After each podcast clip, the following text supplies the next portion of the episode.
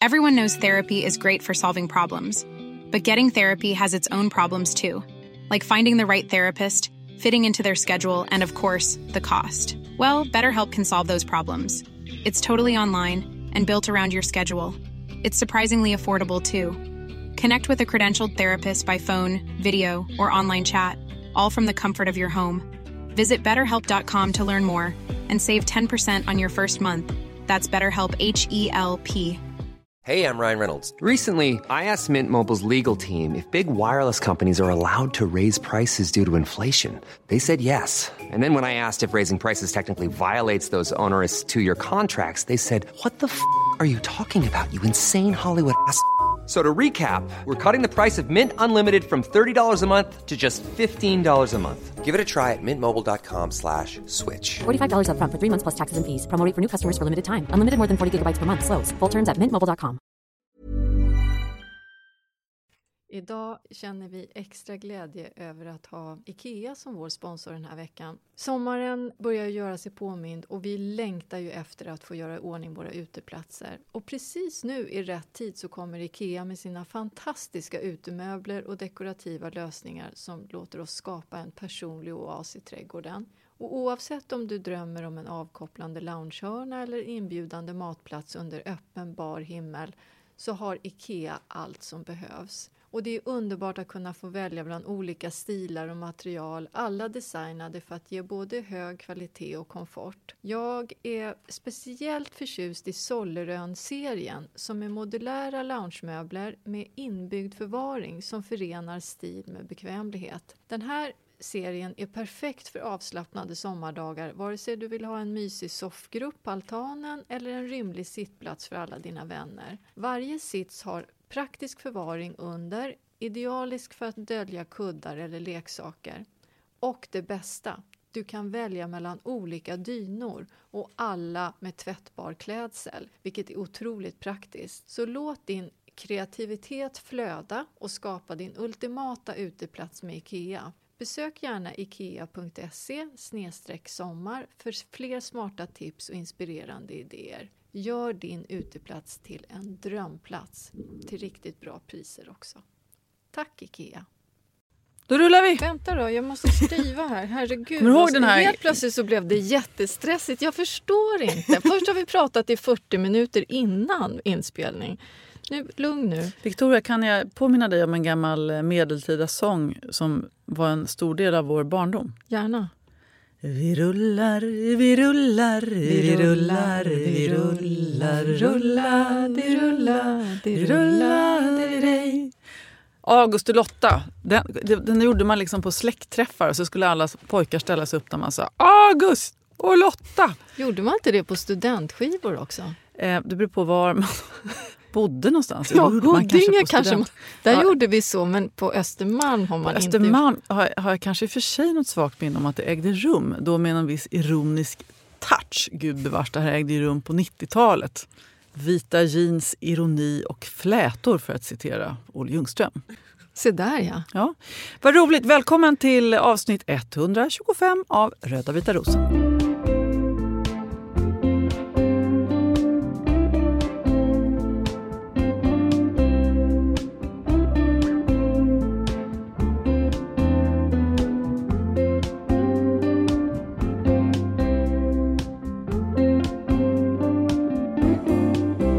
Ellen, Victoria, Strömstedt den yngre.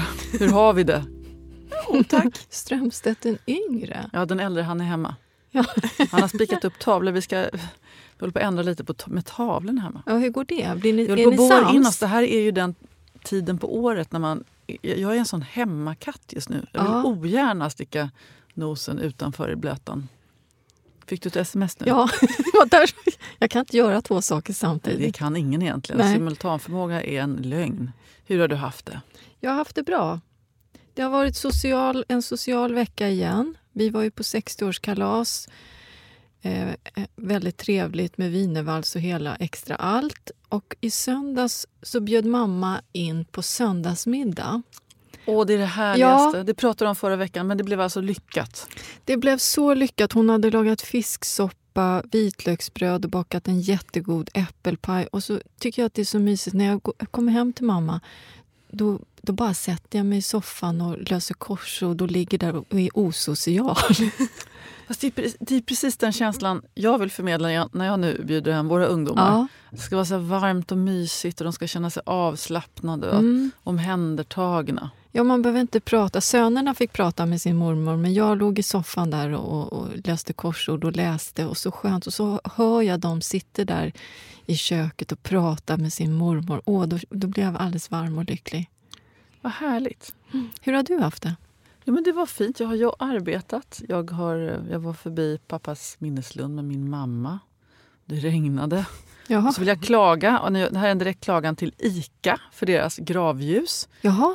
Eh, Det här är en minneslund så då har de ställningar där man kan sätta ner de här gravljusen. Och det var ganska många som hade varit på ICA och handlat. Ja. De släcktes ju hela tiden. Så att jag, och då tyckte mamma och jag att vi kan ju inte vi kan inte bara låta andras släckta gravljus för att man vill ju att de ska brinna över alla helgerna. ja.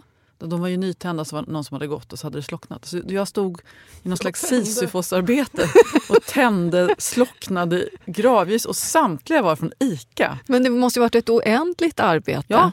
För det Så- blåste Nej, men och jag, det blev som en regnade. mani. Jag kunde inte gå ifrån den där lilla ställningen in, Nej. innan jag hade fått fjutt på alla ljus. Men vilken god gärning. Jag vet inte, de blåste säkert ut så att jag vill skicka en vädjan till ICA att ni måste lösa det här problemet med, Ja. era, med era ljus som har så dålig resistens mot väder och vind. Ja, för det är det som är själva grejen med gravljus, att de ska hålla Exakt. mot väder och vind. Ja, då har sagt det. Ja, och så har jag firat en bok, eller en kompis som har skrivit en bok. Jaha. Henrik Jonsson han har ju författat Guldet som berättar om Henrik von Eckermann. Peder Bengt Fredriksson heter han. Men vad är det med mitt minne idag? Och så Malin Baryard Jonsson om eh, den historiska vägen till det här bragdguldet får man nästan lov att kalla det för. Jag blir väldigt nyfiken när han berättar om boken. Han har ju varit lite här och där och eh, lanserat. Han har brett ut sig. Ja, det kan och man rätta säga. faktiskt. Det är en väldigt bra bok. Jag rekommenderar den. Det är spännande inblick i hela den där hästvärlden. Ja, Det är svårt för, att skriva en bok kan jag tänka mig. Dels för de som älskar hästar, kan allt till exempel, som jag är säker på att några av våra lyssnare gör. Och såna idioter som jag. ja, men det är därför man vill läsa den. För Henrik verkar ju inte vara direkt eh, intresserad utav hästar också. Utan det är det runt omkring. Och därför skulle jag vilja läsa den där boken. Men det roligaste var att själva releasen ägde rum i, i själva hovstallet. Se där Som ja! ligger då i, ja, i, i, ganska granne med Dramaten i Stockholm kan man säga. Och där, det har ju bara varit som en stängd mur. Så för första gången så, fick man kliva in där och naturligtvis fanns det ju hästar på plats också. ganska, ganska många. Ja. Eh, och vi fick vara inne i själva, eh, vad kallas det för? Ja, du hör ju, jag är så hästrudis. Spiltan. Nej, men alltså själva manegen. Manegen. Ridhuset. Finns det säga. en manege där också? Ja, det var gigantiskt stort. Och Jaha. de har ju bedrivit, eh, de har ju så att säga arbetat hästar, inte just de där hästarna, men hästarna som har stått där i konungens tjänst i 500 år. Det där ridhuset tror jag invigdes någon gång i i sent 1800-tal. Men det, var, det kändes lite historiskt att få komma in där och att hästarna stod och stirrade på oss och bara Vad fan gör ni Ja. Och så får man vara här? Ja, nej men de är så vana. Ja. De är ju extremt liksom, tränade för folkliga ja, såklart. samlingar de här hästarna. Men, det då var, måste det var jag, näst, jag vill också... Ja, min väninna bor ju där i hovstället, Tina. Så nu ska jag fråga om inte hon kan ta mig på en tur där. Det måste hon ju få göra. Det har, det, det har ni aldrig... Det, äh, vad- nu blir jag nästan lite sur. Här är jag jättenära väninna med Tina som bor granne med hovstallet. Hon har ju tillgång Men till du det kanske där. inte direkt har profilerat sig som en hästtjej. Nej, det har jag inte för jag är ju rädd för hästar. Men nu blir jag ju så nyfiken när du berättar om den här manegen. då. Det roliga var att det kom en, en kvinna och knackade mig på axeln. Ja, men du har ju varit ute hos mig på min gård. Jag bara, ja, och så fick jag en plötslig flashback från den, den korta, jag ska säga, understryka mycket korta tiden i mitt liv när jag trodde att jag skulle vara med i kändishoppning på Stockholm Horse Show. Men, Det var någon som ringde och sa, ska du inte vara med? Jag var ändå, ja men du får träna hur mycket du vill och du får en, en, en jättefin outfit, en blå kavaj. Jag tänkte, åh vad Ja. stiligt, tänkte jag. Där, där, jag slår till. Och så åkte jag ut och skulle träna i Upplands Väsby. Hemma hos den här eh, jätteduktiga liksom, kvinnan. Men eh, då, efter liksom först... Eh, jaha, den, eh, den här stora hästen, alltså, det är den som jag ska på. Och, sen, och så fick jag skritta runt där i tio minuter så frågade hon har du någon tidigare ridvana? nej, nej. Då sa vi kanske nöjer oss med tio minuter så här idag. Vi tar det långsamt. Sen insåg jag att det där skulle gå så långsamt och, och jag var så skräckslagen så att jag, jag, jag kom på någon mörken ursäkt om att jag nog inte hade tiden då så att jag avstod det där. Fick du behålla kavajen? Nej, jag hade inte fått den än. Men jag tycker att du har lite grann av en, en ridaura. Ja, jag tyckte också Visst, det. Nu när, man, när du pratar Ja, om kavajen då kände. jag så här, men Jenny, där har Ja, vi ryttarinnan. Sträng sådär, med piskan i, Ja, vid sidan. Nej, vi, vi, nej, men alltså, jag tror, det var en barndomsdröm men mina föräldrar hade inte råd att jag skulle rida när jag var liten. nej. I alla fall inte så att de... Jag tjatade inte. Jag tror inte att jag förstår. nej. Nej, men, Siri, kan jag det fattar vara. inte riktigt var, varför du lägger i här nu. Jag tänkte att vi skulle återkoppla till eh, förra avsnittet. Vi talade ju då inför alla helgorna och jag hoppas att ni hade fina stunder tillsammans med era bortgångna nära och kära. Då talade vi om likkompostering för att eh, använda det rätta målande ordet för vad det handlar om. Och då fick vi ett mejl ifrån Finland. Det är så roligt med våra finska lyssnare.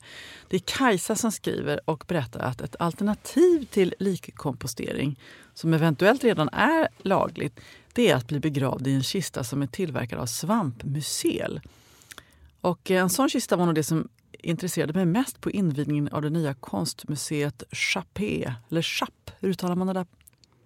Hur ska det vara på finska? Ja. Chappé. Chapé, här i Ekenäs, Finland. Och det var alltså ett konstverk i form av en sån kista. Uppfinnaren heter Bob Hendricks. Jag gissar att museikistan är väldigt exklusiv för tillfället men om ni hjälper till att sprida ordet kanske priset hinner komma ner tills det är vår tur att kila vidare. Tack för en härlig podd. Tack Kajsa, du du fick ju mig iväg på en rejäl Google-turné här så att jag tänker att eh, det här är min hämnd för pionsnacket. Ska vi lyssna på det här Ja, nu? har vi kommit till lilla svampskolan. Nej, stora svampskolan. Du får, av, jag ser, du får somna helt enkelt. Nej, nej, nej. jag välkomnar dig. Jag vill Ellen, höra mer till. om den här likkistan. Kan vi, kan vi, det, det är en Nej, men det, så här är det, här tydligen. också. Att om man börjar liksom med museet, vad det är för någonting, så är det den största organismen på planeten. Och nu vill jag bara också säga så här, jag har googlat mig fram till det här. Så alla ni som är vetenskapspersoner som sysslar med de här ämnena, ni får gärna korrigera vad jag säger fel. Och jag håller mig väldigt ytligt för att inte trampa snett. Men jag tror att ändå det är riktigt att säga det. Mycelium är den största organismen på planeten. Och det är då de här eh, underjordiska rötterna kan man säga. Det är inte, inte rötter utan det är ett mycel hos svampar. Svamparnas rötter, kan Ja. man inte säga Som de så? ju också, eh, dels så byter de ju näringsämnen med varandra men de kommunicerar ju också med mycelen. Det är ju så häftigt. Det är så intressant. Och, eh, och, så, och så bryter det- de ju då ner organ, eller mycelet bryter ner organiskt material. Och det är ju fantastiskt. Det är, liksom, det, det är svamparna som sköter våra komposter, vilket är ett tema idag. Det var därför jag tänkte att jag kunde ha den här Ja. evighetslånga uttröttande föreläsningen inledningsvis. Och så lyckades jag googla upp att 92 procent av växtfamiljerna har liksom ihop det med svamparna. Byter information, näring med varandra. Kommer man ihåg från skolan. Mykorrhiza. Ellen, du gick i skolan senast, eller hur? Ja, men jag var inte så närvarande på just de här lektionerna. Men det är lite spännande med svampar. Så, och då så hittade jag massor med artiklar som talar just om att, apropå den här kistan, att svamp kommer kunna ersätta plast inom förpackningsindustrin. Och att det är, just att det är så nedbrytbart att det kommer fungera. Att det svamparna kommer att bryta ner plasten. Nej, nej, nej, nej, utan att man kan göra förpackningar av just mycel. Jaha, okej. Ja, men och det är det, ju som lite är den som här, kistan. Det Ja. är liksom precis det det är. Bara på att du kanske också transporterar hem ditt, dina äpplen i en svampförpackning helt enkelt. Eller? Jag tycker det är en, en mycket tillfredsställande tanke. Men då blir man ju lite skraj också för att jag vet inte om du har sett The Last of Us? Nej, jag har inte det. Nej, det, den, den gick ju på HBO. Jag tror alla såg den. Såg du den Ellen? Nej. Jag, jag klarade av att se två, den var- kom lite för nära pandemin också, två avsnitt, sen blev det för dystopiskt. Men det handlar ju om att det är 20 år efter att en pandemi har brutit ut. Men den här pandemin är liksom inget coronavirus utan det är en massiv svampinfektion som, har, som angriper då människorna och får dem att omvandlas till någon slags zombie-liknande varelser och så kollapsar samhället. Jättespännande. Ja. Och den här, så är det ju ofta med science fiction. De idéerna uppstår ju aldrig om det inte är så att det finns någon liksom, litet korn av sanning i det här. Och, så att, när man googlar vidare så gjordes det ju många, skrevs det många artiklar på det temat när den här serien slog igenom. Och ja, det är jättesällsynt att svampar orsakar livshotande sjukdomar hos friska människor. Man kan ju, om man har ett nedsatt immunförsvar, kanske går igenom en cancerbehandling eller är allvarligt sjuk på annat sätt så kan du få svampinfektioner som är dödliga. Men eh, Annars blir det bara lite kli. ja, nu börjar det tappa fokus här så att nu ska jag snart sluta. Men, men säger de, forskarna, att nej, det är helt ganska osannolikt att vi skulle få en sån svampinfektionspandemi just nu. Å andra sidan så var det ingen, tillägger en forskare, så, var det, så, så när, när den personen gick på lä, läkarlinjen så var det ju ingen som sa att coronavirus var dödligt. Men jag tog ju bort ljudet här. Så att med klimatförändringarna nu är det så att svampar dör i människors kroppar för att det är för varmt. Men om vi får ett varmare klimat så kan, kan, skulle man kunna tänka sig att svamparna då vänjer sig, vi, vi utvecklar då Anpassar resistens sig. mot högre temperaturer. Och då är vi illa ute. Så då blir det, allt blir en naturlig likkista, skulle man kunna säga. Så kan man säga också. Eh, det är möjligt att, det här, Jag undrar... att alla som har lyssnat på den här podden tycker att det blev lite för obehagligt. Nej, jag tycker fortfarande att det är... Jag, jag gillar den här svampkistan. Alltså det, det här är min grej. Jag som tycker om att hålla på med bokashi-komposten, det här med fermenteringen. Det är bara det att jag vill att det ska gå undan. Och nu försökte jag läsa på lite grann här då. Den här artikeln som var kopplad till den här mycelkistan. Då står det att mycelkistan beräknas kunna tas upp av jorden inom loppet av fyra till sex veckor. Det är ju rätt snabbt. Är det då att min kropp samtidigt förmultnas ihop med kistan? Undrar. Eller ligger jag fri där sen i jorden? bland... Du, du ligger fri i jorden. Mm. Okej. Alltså, du är Kroppens, död vill jag säga. eh, Så att det, Ja, jag är död men jag vill ju ändå att det ska kännas värdigt. Vi måste också, för nu, nu, har vi, nu bärsade jag svamparna. Först, först var vi glada över att vi kan göra förpackningar och kistor. Sen bärsade jag svamparna att de kanske kan, kommer ta ihjäl på mänskligheten. Mm. Det, de tar ju fort, det är ju många djur, liksom, amöber och sånt där som faktiskt har blivit drabbade av svampar och dött ut. Och, och skördar och sånt där. Det kanske är det största hotet just nu, att, att sva- svamparna kommer angripa det vi behöver ha för att äta. Men, ehm, men vi har ju använt oss av svamparna jättemycket. All fermentering till exempel. Jästen, bakningen. Alltså det finns ju tusen och en. eh, Vi, vi gör läkemedel med hjälp av, av, av svamp och sådär. Så det, mm. ja. Jag säger det nu ifall svampen hör mig och är kopplad till någon slags AI. Ja. it's coming to Ja, get så kan me. det säkert vara. Men jag tycker att det finns ändå... Jag, jag måste nog säga att jag ska skriva om mitt det här vi- vita arkivet där. Att jag vill ha en svampkista. Du har väckt någonting i mig. Men vad hände med komposteringen? Var inte det ändå lite bättre? Jo, men det blir ändå lite samma sak. För jag, när jag läser om det här, den här sonen som har begravt sin, sin mamma i den här eh, kistan så, så då skriver han så här, tack vare den här kistan så kommer hon att återgå till naturen och snart leva vidare som ett träd. Jag tycker det är väldigt fint på något vis. Ja, det är ju samma tanke med komposteringen. Ja, Det är ju samma. ja det är samma princip. Mm. Det handlar bara om att du har en svampkista. Svampkistan is the shit känner jag. Där har vi det. Nog om svamp. Gott är det att äta också. Alltså kantareller. Kära Victoria. Vi tänkte vi skulle prata lite om, om löv och kompost och såna saker nu när hösten kommer. Och vad gör man egentligen med bokashin nu när det blir lite fruset Mm. på back, i backen? Men allra först, vi har fått lite fler mejl. Kära snyggingar, jag undrar vad det är för träd som doftar starkt sött på våren och ibland även på vintern. På våren blir det klibbigt på marken och det doftar helt magiskt. Vad tror ni att det kan vara? Undrar Kicke Philipsson från en vilande geggig trädgård på Storholmen. Ja, då tror jag, Kicki, att det kan vara balsampoppel som du har känt doften av. Det är ju ett, ett stort träd och eh, när knopparna börjar träda fram så doftar de, eh, de doftar lite som hårbalsam, faktiskt. Och sen lite senare så är, doftar även bladen. Så jag gissar att det är balsampoppel. Och det är ju ett, ett väldigt stort träd, kan bli 25 meter högt. Härdigt. Och eh, jag vet också att den här kådan som eh, sipprar ut från knopparna, det, an, där använder bina det som desinfektionsmedel i deras bikupor. Så jag tror att det är det klibbet som hon, har, som hon härrör till. Eh, så jag, jag, giss, jag är inte helt säker, men jag gissar att det är balsampoppel. Det trädet som doftar. Det var skönt, fick man en känning på våren. Det är, det, det är så omöjligt just nu att visualisera våren. Ja, jag vet. Jag sitter och tittar på bilder i min mobil från i somras för att jag ska känna, känna hopp. Jag har glömt bort det i somras. Har du? Nej, men jag jobbar ju, jag jobbar ju också hela tiden i, i, i framtida säsong. Så just nu är jag ju i frösåddernas värld. I och med att jag sitter och jobbar med de kampanjerna och så vidare. Så jag sitter och tittar på massor med bilder och skriver texter och förbereder mig. Jag tycker det är rätt härligt. På det sättet är mitt jobb ganska bra. Julen har ju passerat. Den är jag inte i just nu alls. Den gjorde vi i augusti.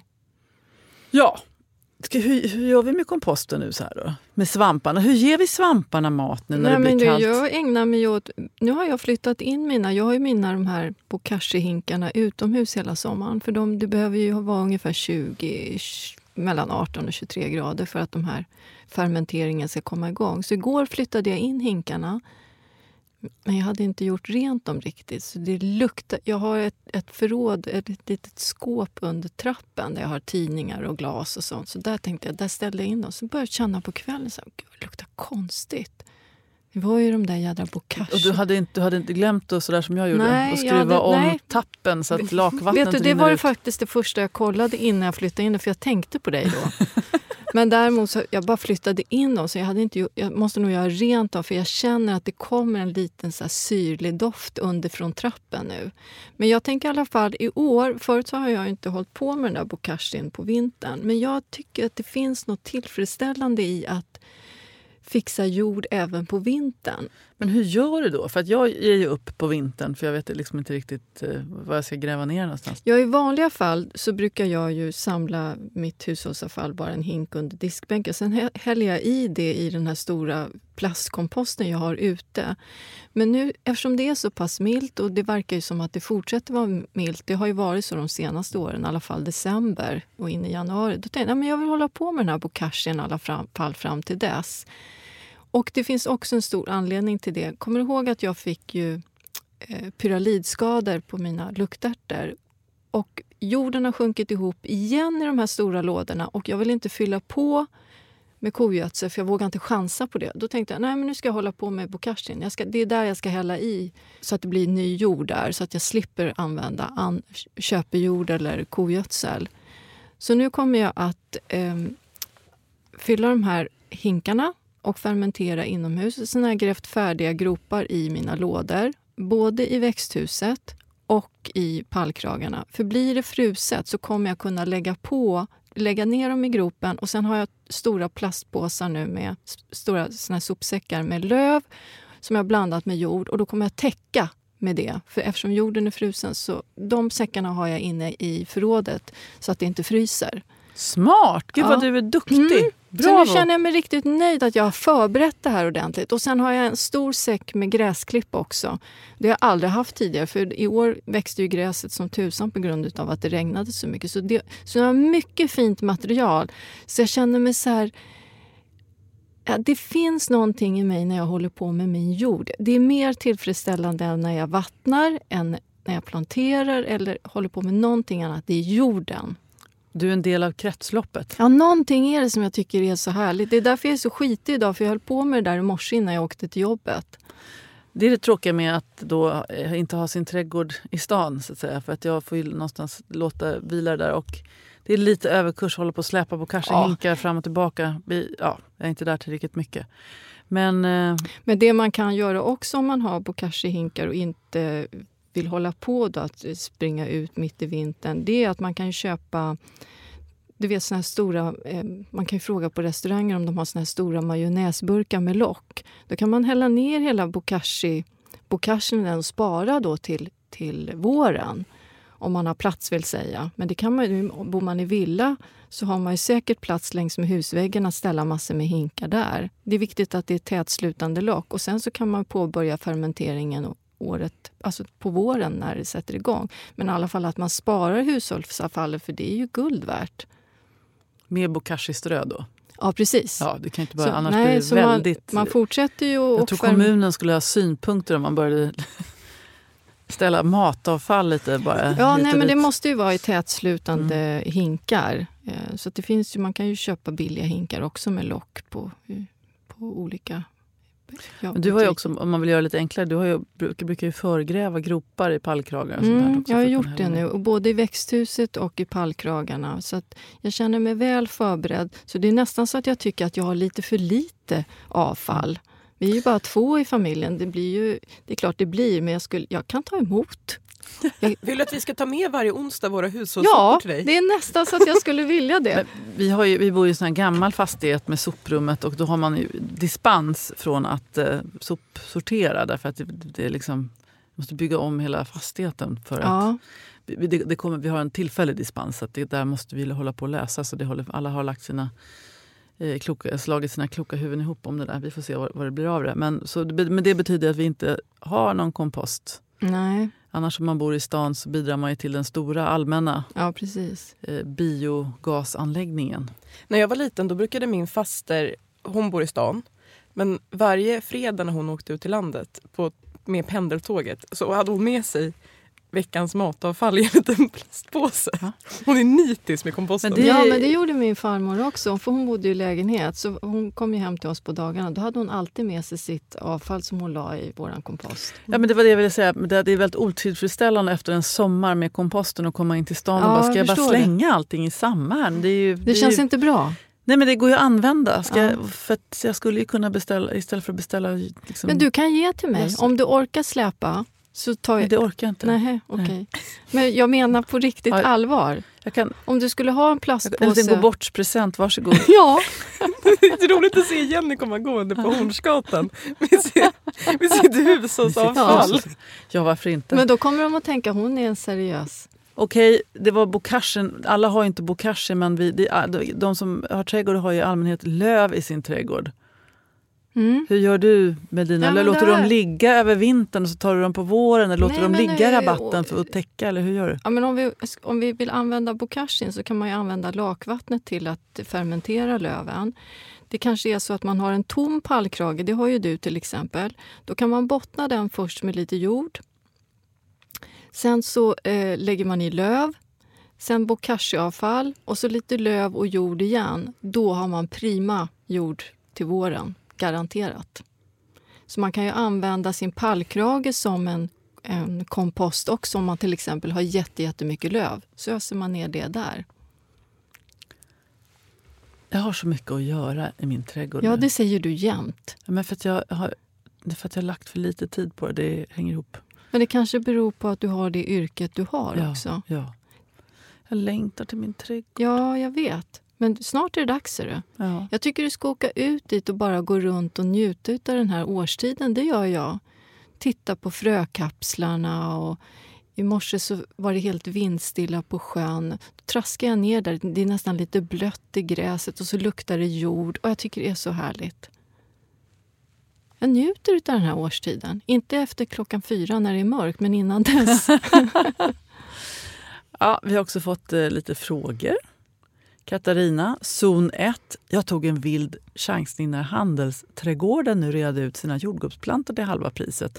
Köpte på mig två dussin och fick dem i jorden i mitten av oktober. Hur bör jag nu gå tillväga för att de ska klara vintern så bra som möjligt? Och hur ger jag dem den bästa starten när våren kommer? Nej, men då skulle jag säga så här att jordgubbsplantor är väldigt härdiga så det tror jag inte är så smärtsamt igen. Det kommer inte hända så mycket under vintern. Det som, jo, någonting som kan hända när man sätter jordgubbsplantor så här sent det är att när de inte är ordentligt rotade så kan de trängas upp lite grann så att de, de yt- ytliga rötterna blir synliga, att de trycks upp av tjälen. Och då kan det vara bra att täcka dem Eh, tidigt på våren med löv eller jord så att inte de torkar ut. Det är egentligen vad som kan hända. Så det är väl det hon ska titta på kanske i februari, mars om de har tryckts upp av tjälen så att rötterna syns. Och sen så fort det blir eh, mjukare i jorden så kan hon trycka tillbaka dem. Men det kan vara så att hon behöver, behöver eh, skyla, skyla rötterna helt enkelt. Bra. Ja, fynda sådär också, det blir jag lite avundsjuk på. Mm. Eva på Österlen. Best roses of my life. Alltså det var inte det sämsta. Nej, verkligen Nej. inte. Eh, tack Eva för den komplimangen. Du får ta tillbaka den sen också efter det här avsnittet om du känner för det. Eh, tack för att ni inspirerar mig. Bor på landet i sommarhus på Österlen och har en enormt stor rosa hortensia som endast blommar med en blomma. Hur ska jag vinterförvara denna magiska växt? Supersnygg som bladväxt men inte riktigt vad jag vill. Är det frosten som gör att den inte blommar?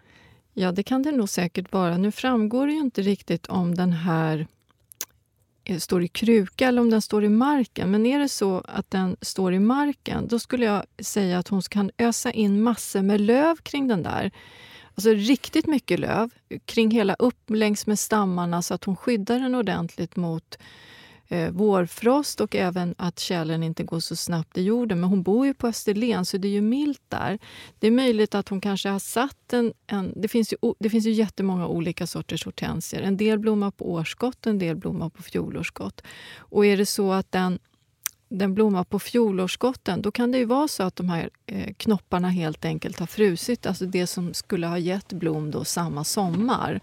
Så att det som hon behöver göra det är ju att täcka dem. För jag gissar att det är så att den har frusit in. Att det, de, de knoppanlagen har inte klarat sig helt enkelt.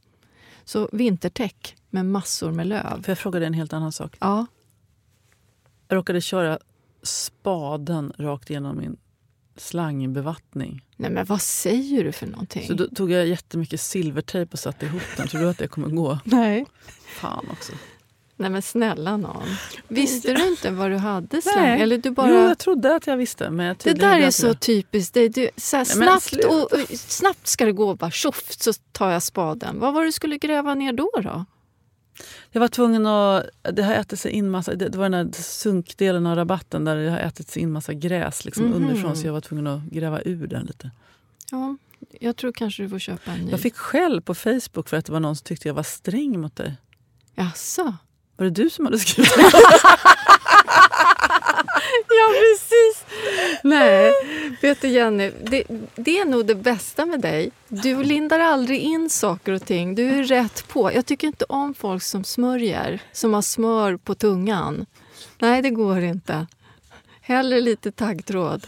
Säg vad du tycker bara, rakt upp och Ja, ner. Jag kan hantera det. Ja, men du är likadan själv. Ja, det är ju just därför. Så vi kan, om det är någon som tycker att det är lite liksom, raka rör här ibland så, så är det så vi jobbar i den här Ja. podden. Jag gillar det. Tycker inte om när man håller på och, och, lismar. Heter det, Jag tror va? också att det, det är väldigt skönt. Ja, vi, vi har ju inte rykt ihop faktiskt en enda gång under alla år vi har jobbat Nej. ihop. Så att jag tror att det har varit en fungerande metod. Och klarar vi av att köra i Göteborg stressade i ösregn och, inte, och vara lite halvtrötta utan att ryka ihop, då tycker jag det är ändå ett ganska bra... Då klarar man allt. Ja. Så så var det med det. Nästa fråga kommer från Katrin på Vikbolandet. Jag har en fråga om min passionsblomma som jag haft i många år. Den står i växthuset under sommaren och är väldigt grön och frodig. Men den vill inte blomma. Och det är ju tråkigt även om den är snygg som grön växt. Har ni några bra tips? Ja, ja, det är jättesvårt att svara på Eh, vad det kan vara att den inte blommar. Kan det vara så, även om den är grön och frodig, så kanske det är så att den ändå står i en för liten kruka. Därför att passionsblommor får väldigt, väldigt stort rotsystem och får de inte tillräckligt med näring och vatten då så att de kan utveckla sig ordentligt så kanske det beror på det att den inte orkar sätta knopp. Sen är det så att de tycker inte heller om kalkrikt vatten. Nu vet inte jag Vikbolandet, vad, har de hårt vatten där tro? Det vet inte jag. Jag googlar. Hur som helst, så om du har möjlighet och inte tycker det är allt för jobbigt, prova att eh, vattna med regnvatten om du har en regnvattentunna. Att du, att du samlar vatten där och vattnar passionsblomman med det. Kanske kan hjälpa lite grann. Eh, den, jag tror inte att det handlar om att den fryser eller någonting sånt för att den blommar på. Så att, eh, Vikbolandet är Norrköping, trakten var inte det? ja, visst är det det. Ja. Ut mot kusten, eller? Hon kan i alla fall ta reda på om det är så att hon har kalkrikt vatten. Och, Vad, eh, vad, vad är liksom kalkrikt? Hur många... Med pH tänker du? Medelhårt skulle jag säga att det är där. Ja, Medelhårt vatten är det. Jag tycker ändå att hon ska lägga energi på att eh, när du planterar om den här passionsblomman, använd vanlig blomjord uppblandat med lite rhododendronjord och eh, gärna lite större kruka. Och sen på vintern så vill den stå svalt, helst mellan 10 och 12 grader. Då har man gett absolut bästa förutsättningarna. Och så minska ner på vattningen ju svalare det är. Och så välj ett, ett ljust fönster och stäng av elementet. Så att stor kruka, regnvatten, rhododendronjord och svalt på vintern. Då kanske kommer knoppar. Det är en fantastiskt trevlig växt. Blommorna är ju underbara. Har du haft en passionsblomma? Ja, många gånger som jag har tagit livet av också. En fråga till hinner vi med. Den kommer ifrån Anna i zon 2. Vad roligt att du har hört av dig, Anna. Hon skriver så här. Hej bästa tjejorna! Vi har ett limeträd som har sjukt mycket frukter just nu och undrar vad vi ska göra av dem när det blir kallare. Nu står de på inglasade altanen har en källare som ej är uppvärmd och lite mörk.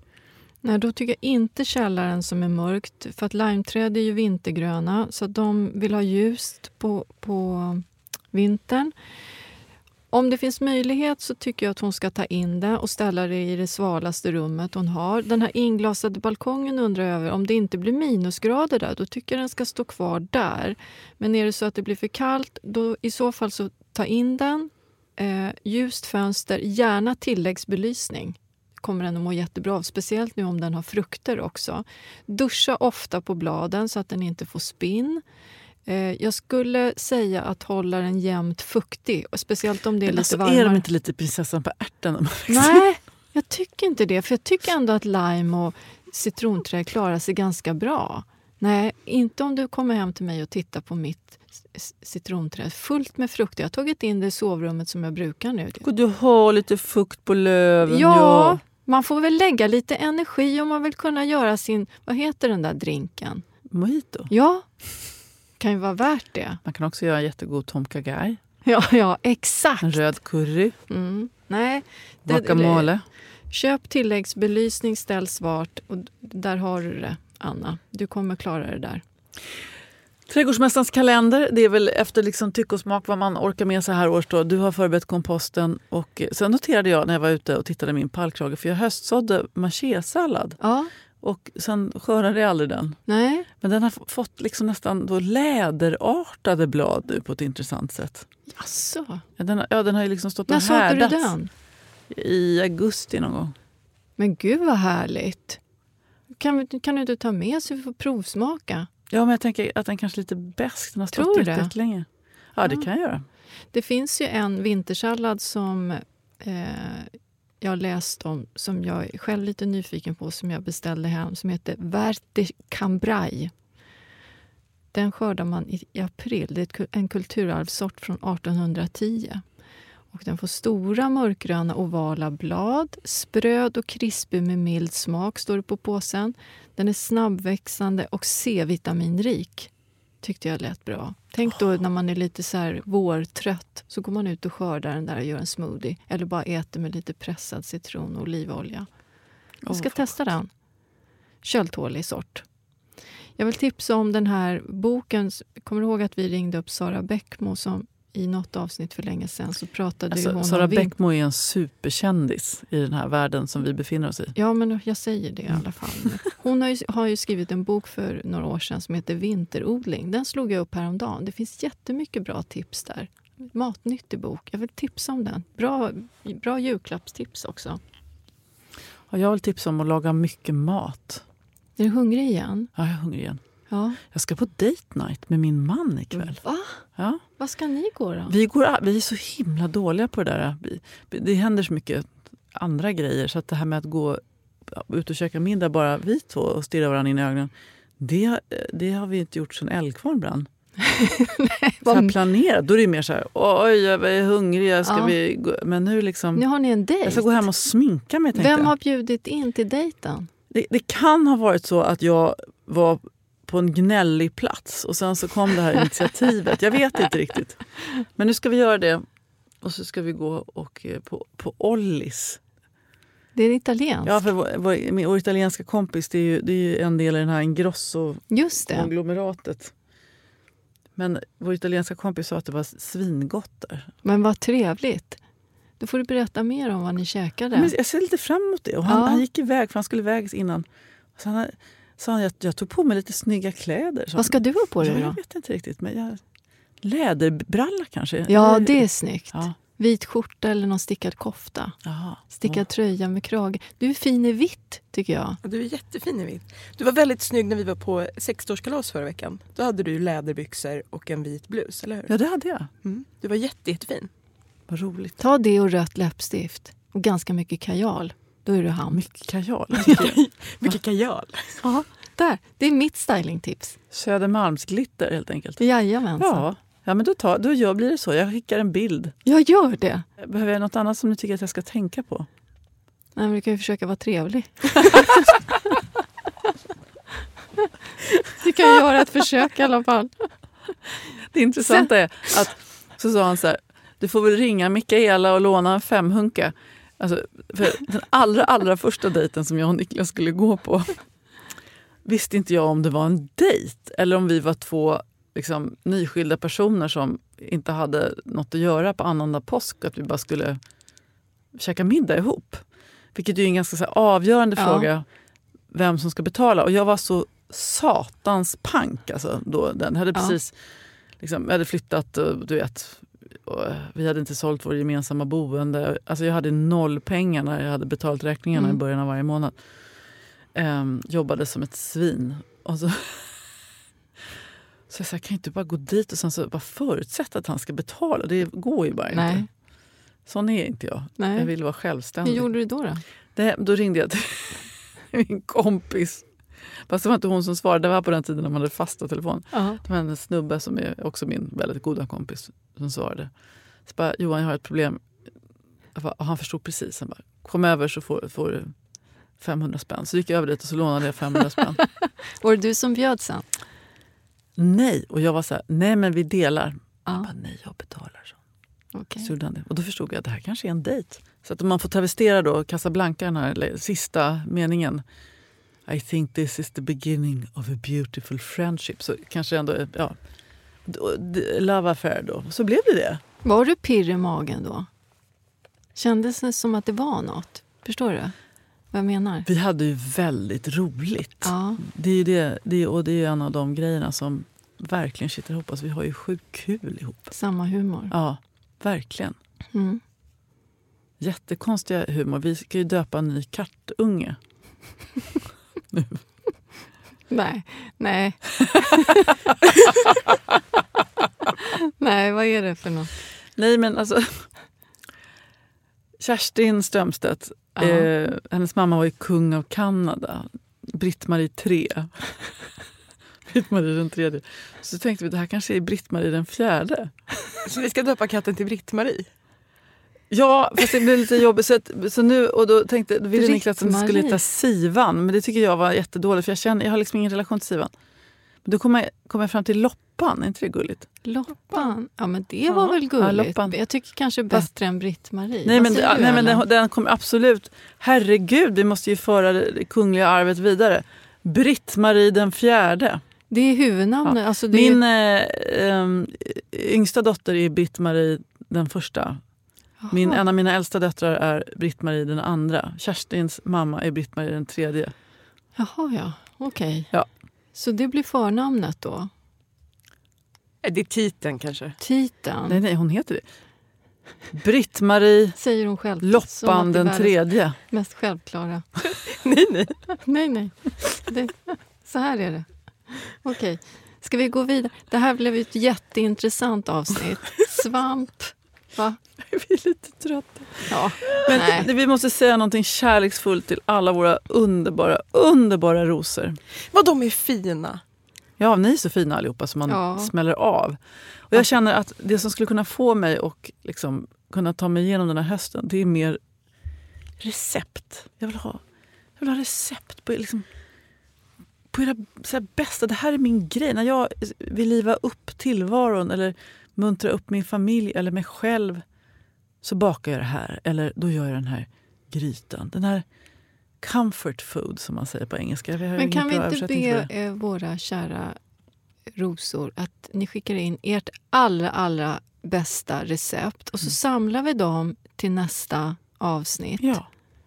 Och kan lägga upp det som, ett, som en... Är det här lite som att säga så här, kan ni ge oss era bästa svampställen? För att Ja. knyta ihop temat, eller? Ja, det kan vi göra.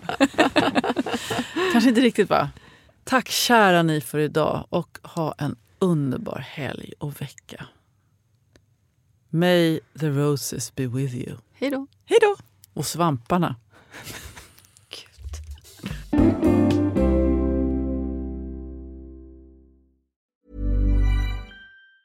Planning for your next trip?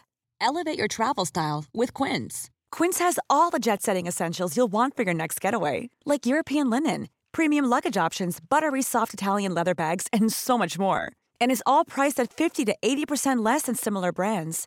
Plus, Quince only works with factories that use safe and ethical manufacturing practices. Pack your bags with high-quality essentials you'll be wearing for vacations to come with Quince. Go to quince.com slash pack for free shipping and 365-day returns.